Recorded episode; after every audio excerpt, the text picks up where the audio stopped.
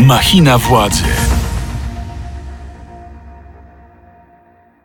Machina Władzy, podcast Radia Z, w którym analizujemy najważniejsze wydarzenia w Polsce i na świecie. Ja nazywam się Mikołaj Pietraszewski i zapraszam na odcinek szósty sezonu trzeciego. Moim i Państwa gościem dziś w formie zdalnej jest Łukasz Pawłowski, prezes Ogólnopolskiej Grupy Badawczej. Dzień dobry Łukaszu. Dzień dobry. Porozmawiamy sobie dzisiaj o kampanii wyborczej, o sondażach, czym tak naprawdę jest badanie nastrojów społecznych. Może zacznijmy od dwóch sondaży, które w ostatnim czasie, w ostatnich dniach e, zostały opublikowane w mediach. Mam na myśli sondaże e, dla wirtualnej Polski i dla wydarzeń Polsatu. Dwa sondaże, w których z jednej strony PiS prowadzi, ale Koalicja Obywatelska depcze PiSowi po piętach w granicach błędu statystycznego, czyli 2-3 punkty procentowe przewagi.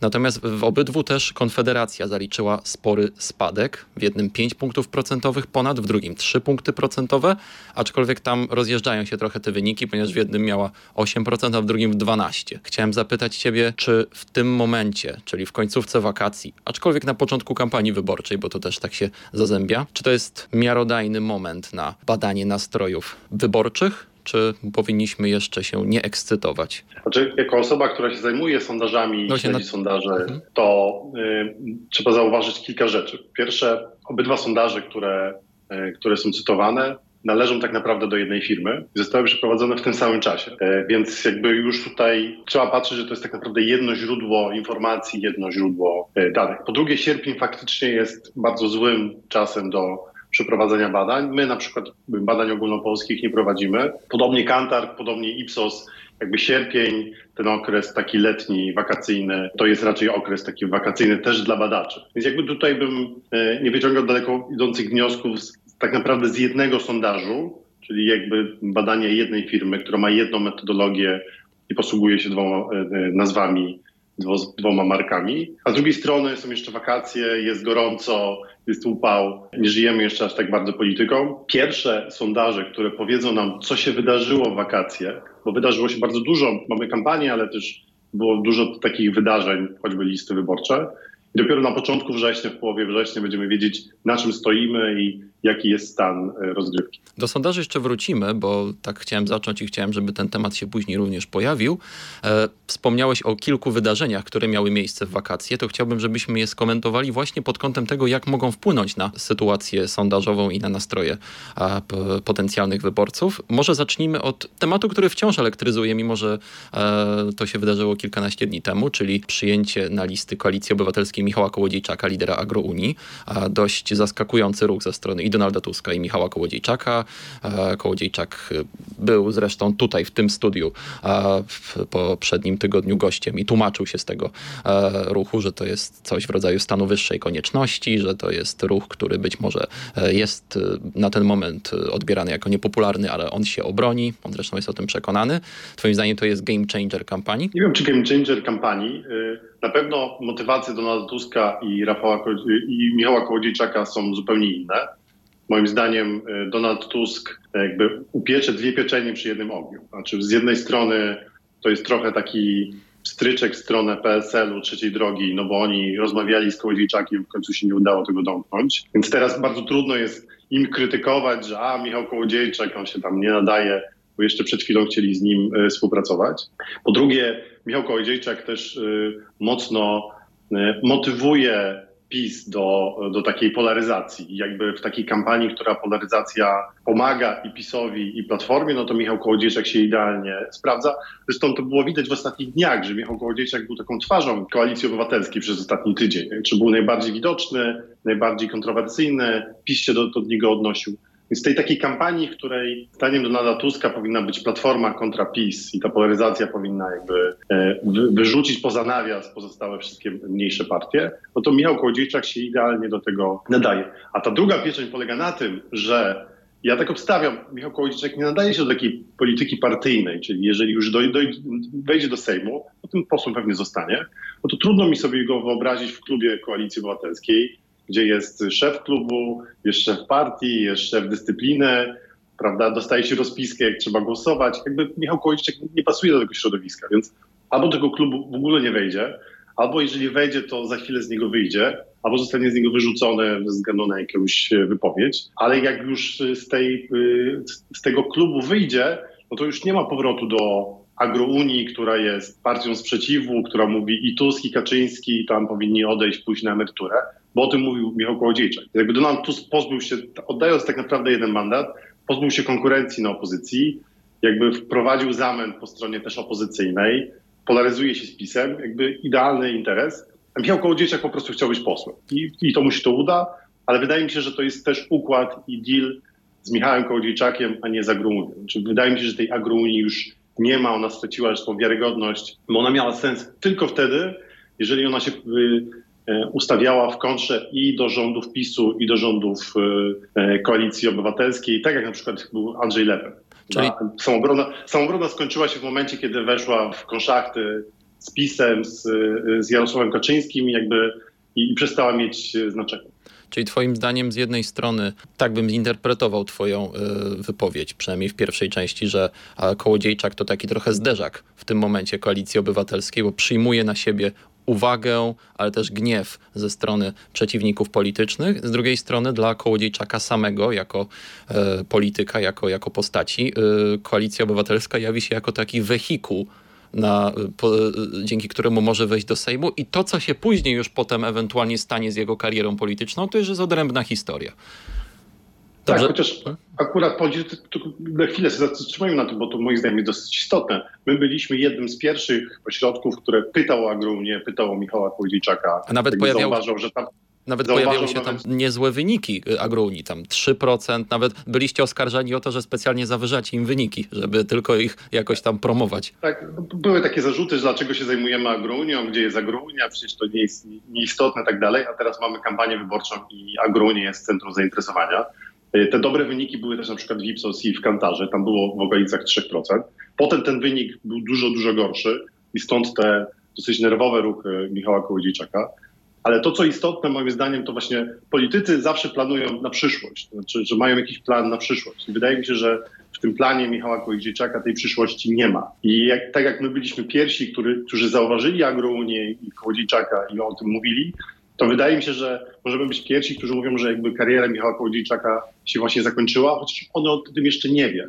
On oczywiście będzie aktywny w kampanii, zostanie posłem, a tych posłów będzie 460, ale trudno mi sobie wyobrazić scenariusz dla niego, czy w koalicji obywatelskiej, czy po koalicji obywatelskiej, gdzie on jakąś tam przyszłość polityczną ma.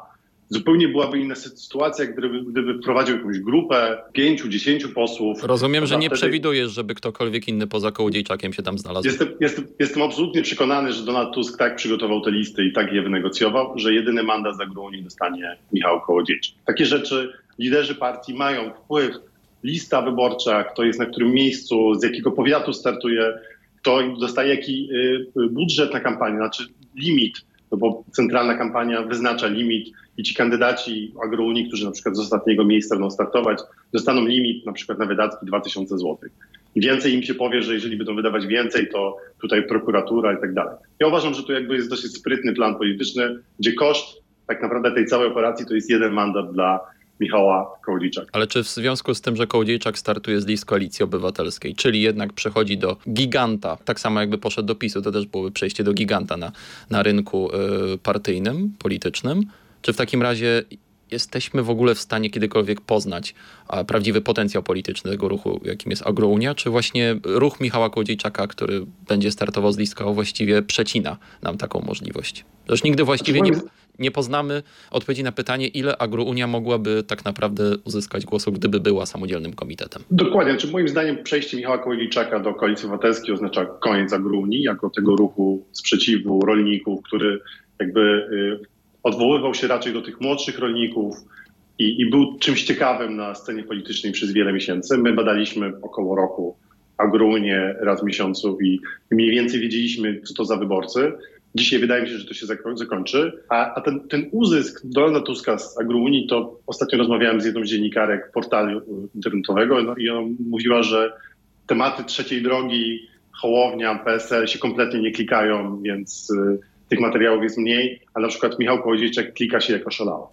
I to też jest bardzo konkretna, realna korzyść w kampanii wyborczej, w kampanii, która potrwa jeszcze 50 parę dni, która jest bardzo krótka. I każdy dzień to, o czym się mówi, o kim się mówi, w jakich tematach, kto z kim się polaryzuje, kto z kim walczy, jest bardzo ważne. Więc tutaj ten ruch y, Donalda Tuska Często mi się zarzuca, że jestem symetrystą, nie chwalę Donalda Tuska, to tutaj chwalę Donalda Tuska, genialny ruch polityczny, gdzie widzę same zyski, zero strat. Jeżeli mówimy o agrounii, to ja bym chciał jeszcze ostatnim pytaniem za, zakończyć ten wątek, bo jeszcze kilka nas tutaj czeka. E, czy twoim zdaniem e, Michał Kołodziejczak jest w stanie naprawdę przyciągnąć dla Koalicji Obywatelskiej część elektoratu wiejskiego, ludowego, bo oczywiście tego typu e, interpretacje się pojawiają, że Tusk chce otworzyć się na wieś, bo sama Platforma jako marka nie jest tam wiarygodna, a wręcz ma e, kiepską reputację.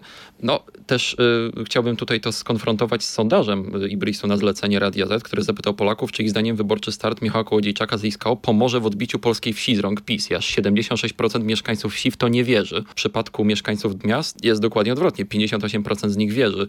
Uważa, że Michał Kołodziejczyk stanowi zagrożenie. E, pytanie, czy to jest y, projekcja, czy to jest faktycznie realny potencjał na to, żeby odbić tych wyborców z rąk PiS? Jeśli chodzi o tych wyborców z miasta, którzy oczywiście mniej się orientują tym, co się dzieje na, na, na polskiej wsi. Ale mają za to ogromne Tutaj, nadzieje. Tak, tak, dokładnie. Ale właśnie chciałem powiedzieć, że jest taki, w ogóle takie określenie po wyborach w Turcji było, że nadzieja to nie analiza. To znaczy mamy bardzo dużo nadziei, że tutaj właśnie wygramy z PiSem, prawda, Michał Kołodziejczak, bo on jest w telewizji i tak dalej. Znaczy Michał Kołodziejczyk jest w stanie pozyskać wyborców y, ze wsi, którzy i tak już są wyborcami opozycyjnymi.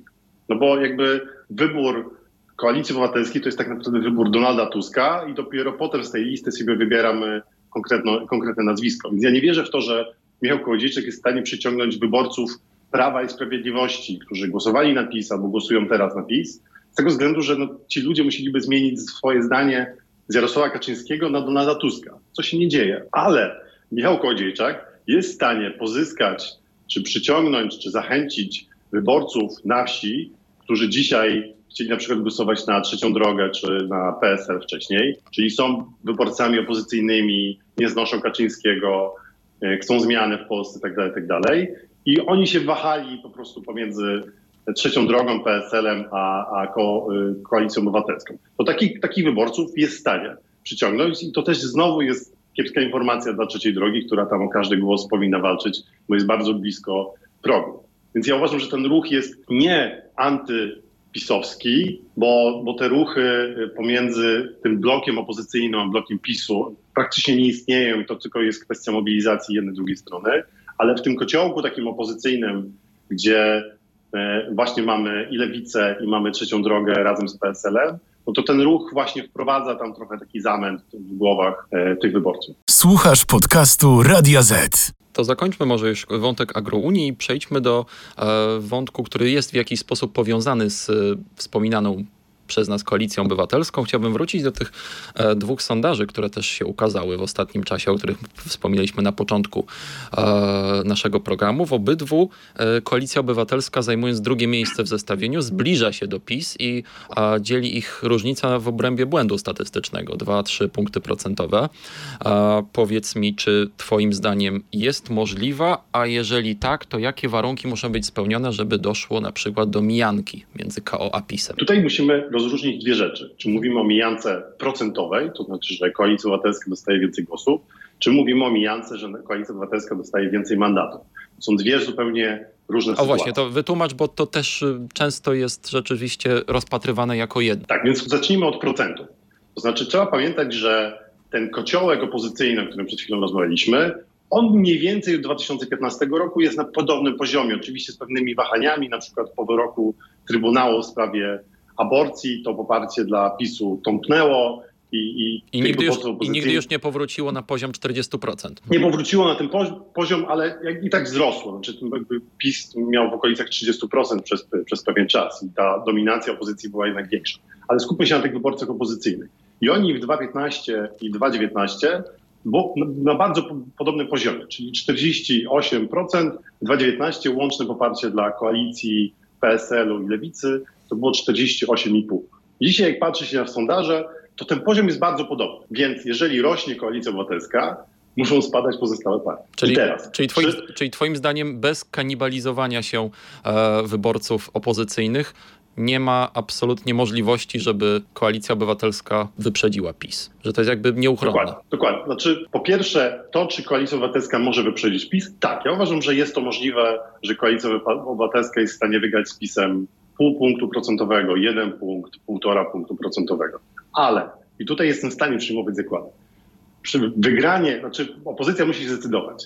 Albo główna partia ma wygrać z PiSem minimalną różnicą, albo wszystkie trzy partie wchodzą do Sejmu. Uważam, że jeżeli Koalicja Obywatelska miałaby wygrać z PiSem, czyli miałaby mieć wynik w okolicach 35-36%, to jedna albo nawet dwie partie opozycyjne nie wchodzą do Sejmu. Szczególnie tutaj jest zagrożenie dla trzeciej drogi, która powinna mieć 8%, żeby przekroczyć próg.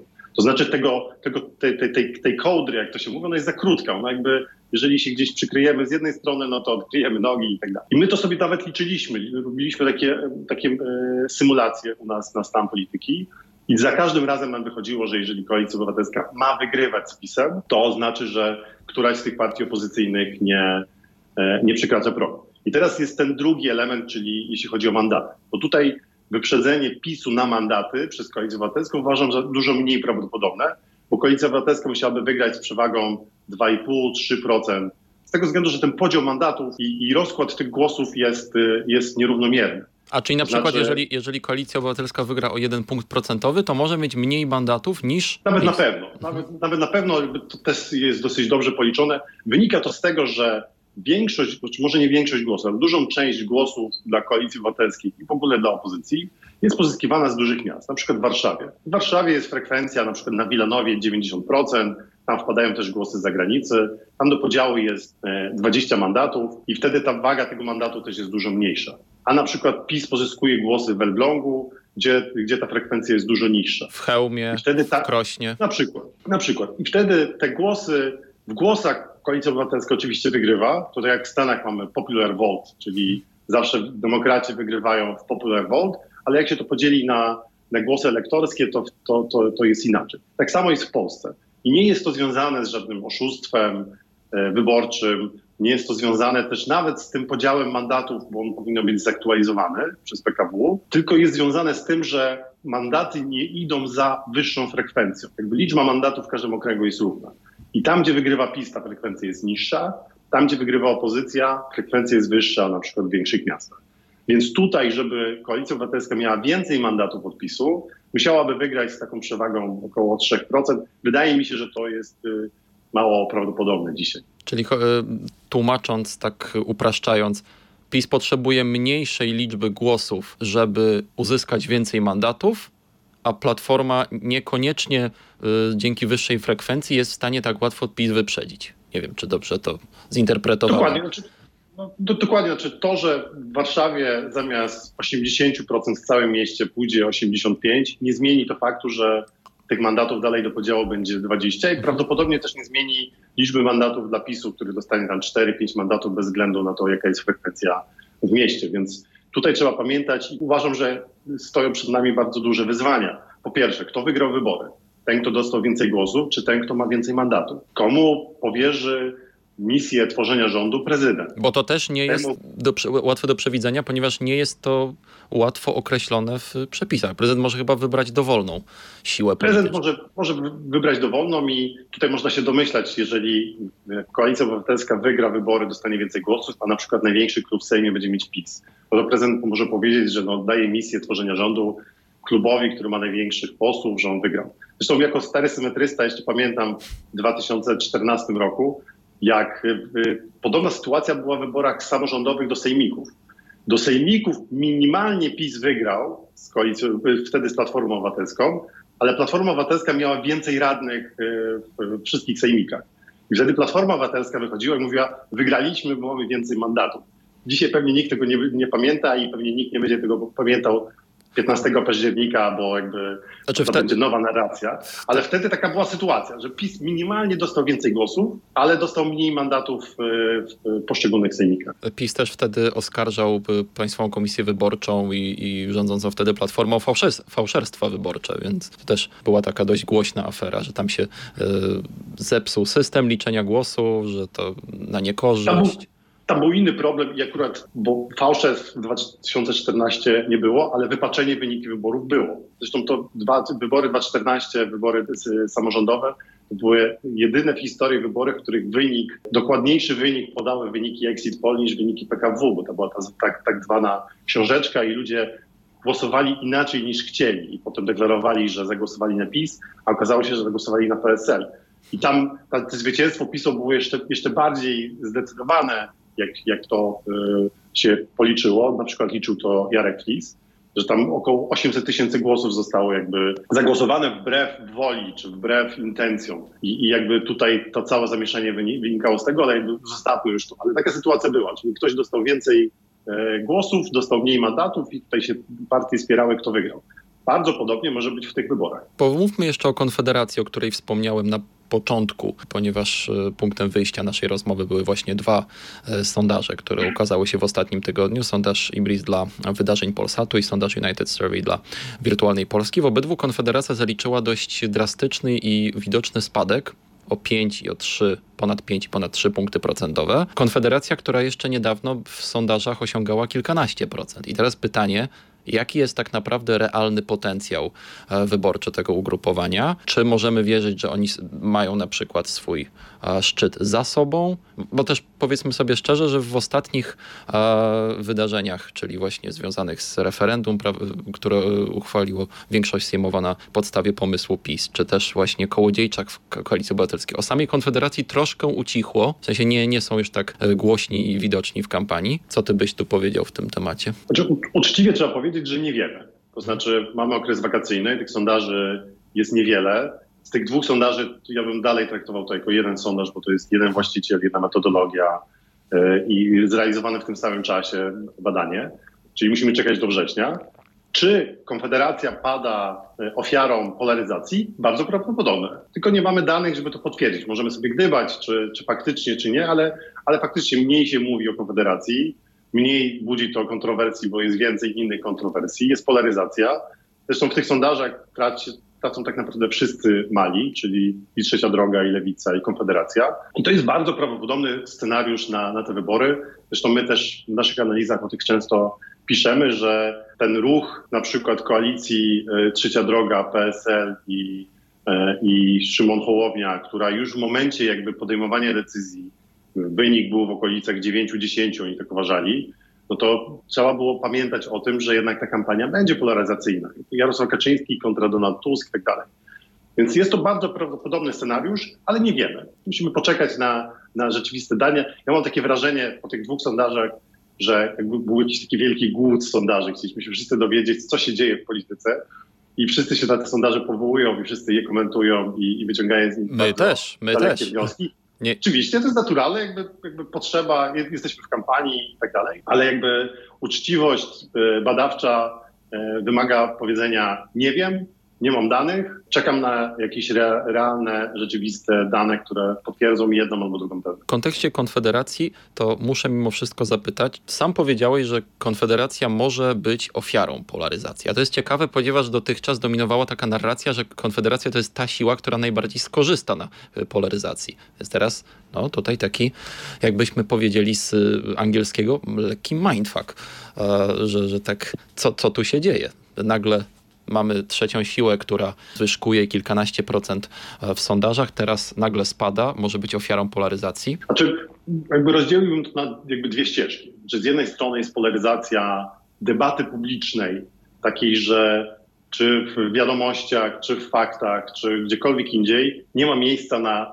żaden inny spór, żadną inną dyskusję niż spór pomiędzy Platformą a, a PiSem. I to zawsze jest ważne, bo to jakby w polityce mówi się, że jakby ktoś wysysa powietrze. Nie ma powietrza na, dla pozostałych graczy. A druga jest, rzecz jest kwestia polaryzacji tego sporu pokoleniowego, czyli Jarosław Kaczyński z Donaldem Tuskiem, czyli pokolenie 60-70-latków. A z drugiej strony mamy tutaj Konfederację, czyli pokolenie 30-latków. I na tym sporze pokoleniowym Konfederacja tak naprawdę się budowała przez ostatnie, ostatnie tygodnie, szczególnie przed wakacjami.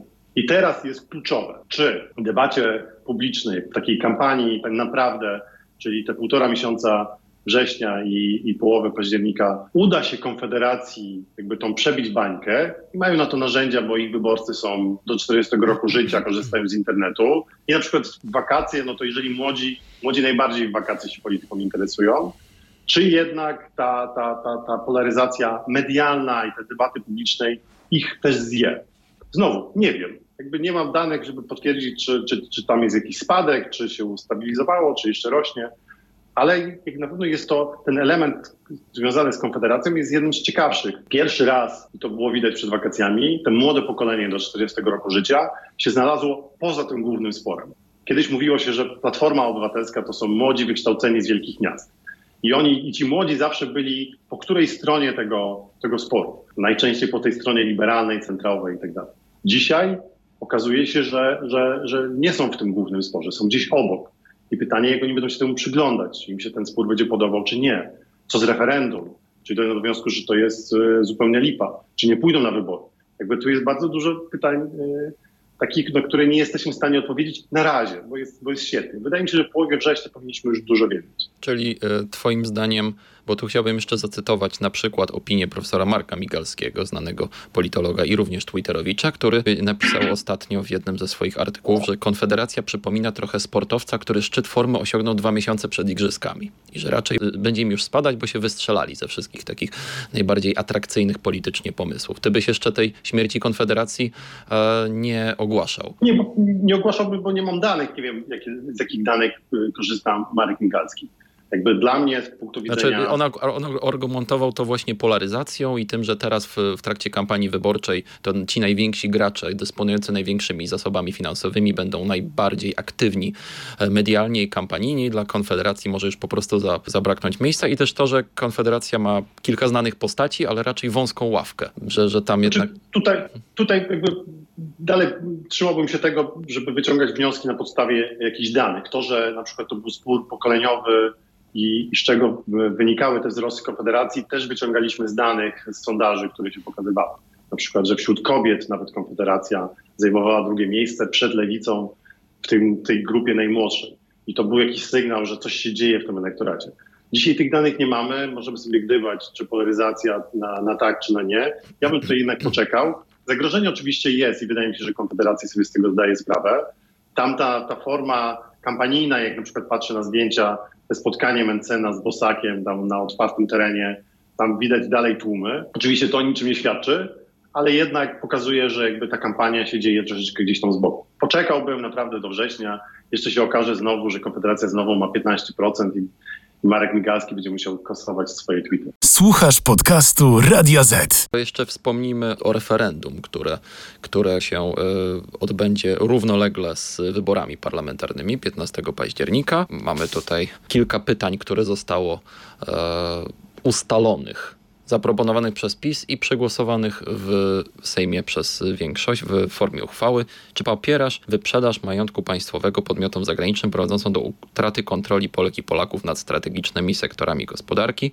Czy popierasz podniesienie wieku emerytalnego, w tym przywrócenie podwyższonego do 67, 67 lat wieku emerytalnego dla kobiet i mężczyzn? Czy popierasz likwidację bariery na granicy z Białorusią? I czy popierasz przyjęcie tysięcy nielegalnych imigrantów z Bliskiego Wschodu i Afryki zgodnie z przymusowym mechanizmem relokacji narzucanym przez biurokrację europejską. Czy Twoim zdaniem to są problemy, którymi się teraz Polacy zajmują, czy w ogóle nie taki jest cel tego referendum? Czy, no, to referendum jest antytuskowe. Jakby to, wszystkie cztery pytania dotyczą Donalda Tuska i rządów Donalda Tuska i mają właśnie pomóc w tej polaryzacji pomiędzy PiSem a Platformą, bo trzeba pamiętać, że polaryzacja pomaga jednej i drugiej partii. To, znaczy, to nie jest tak, że ona może pomagać tylko jednej stronie. Więc jakby to referendum jest antytuskowe, ale tak naprawdę wyłącznie chodzi o to, żeby zmobilizować wyborców, którzy kiedyś głosowali na PiS. Tak jak mówiliśmy, że PiS kiedyś miał 43-44% poparcia, dzisiaj mu daleko do tego, do tego stanu. I we wszystkich badań, i też badań PiSu, wynika, że ci wyborcy nie przeszli do innej partii, znaczy, że oni nie zmienili barw, oni po prostu przeszli do tak zwanej poczekalni. Czyli oni mówią, nie, nie, to jakby ja jestem już zmęczony, to, to ja nie mam swojej partii, nie pójdę zagłosować. I PiS liczy na to, że być może nie wszystkich, ale część z nich wyciągnie na głosowanie, żeby na przykład opowiedzieli się przeciwko e, wiekowi emerytalnemu, żeby go podwyższać. I jak już ten wyborca były PiSu na te wybory pójdzie i dostanie kartę referendalną, bo on chce zagłosować e, w tym referendum, to dostanie też kartę oczywiście do Sejmu i Senatu. I oni liczą na to, że jest większe prawdopodobieństwo, że on zagłosuje na ten PiS ponownie, niż na przykład na Donalda Tuska. To jest główny cel. I nawet jeżeli uda się to w jednym czy dwóch procentach tych wyborców, no to musimy pamiętać, że od wielu, wielu miesięcy ten podział pomiędzy opozycją a PiSem to są kilka, kilkanaście mandatów.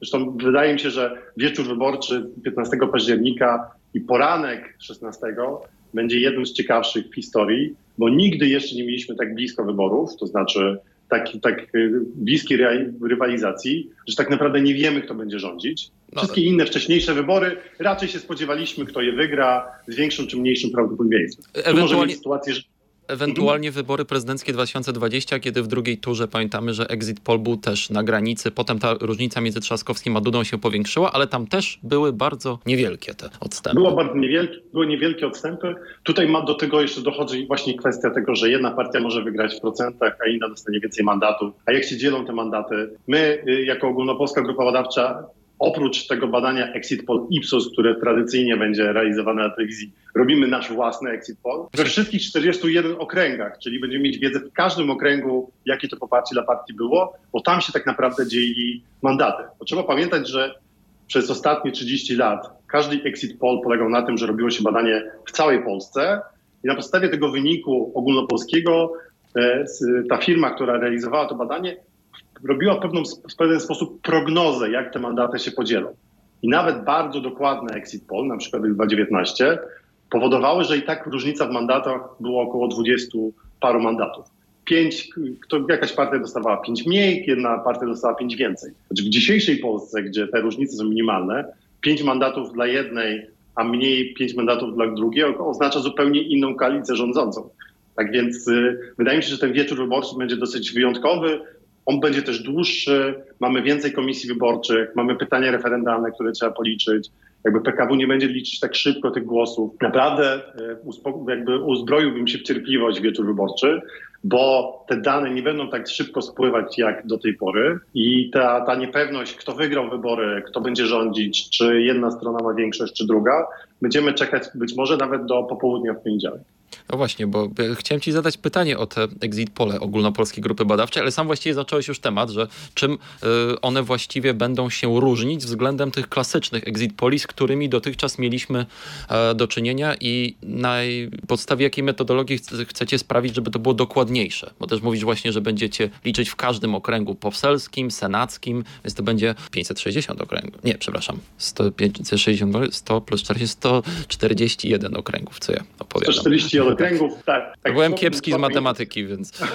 Y, jeśli chodzi o exit poll y, i metodę, którą my stosujemy, my tą metodę stosowaliśmy już w przyspieszonych wyborach w Rzeszowie i w Rudzie Śląskiej. To jest metoda celowa, czyli my nie losujemy punktów, w których przeprowadzamy badanie, ale je wybieramy pod względem ich reprezentatywności dla poszczególnych okręgów. To jest dużo bardziej skomplikowane, nie będę wchodził w szczegóły, ale my wybieramy te. I tak jak robiliśmy exit poll w Rzeszowie, tak naprawdę 15 października robimy to badanie razy 41, czyli to jest wyzwanie duże logistyczne.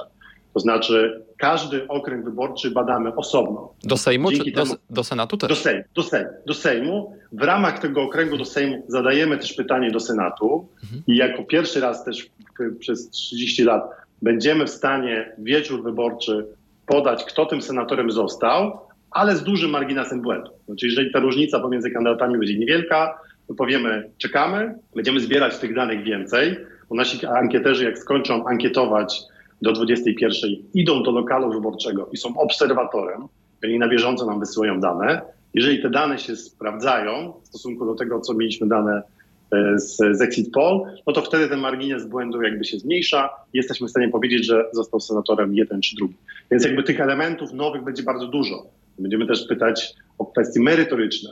Czyli jeżeli ktoś poszedł na, na głosowanie, to jaki temat był dla niego ważniejszy? Czy inflacja, czy bezpieczeństwo? E, czy żyło mu się lepiej 8 lat temu, czy teraz?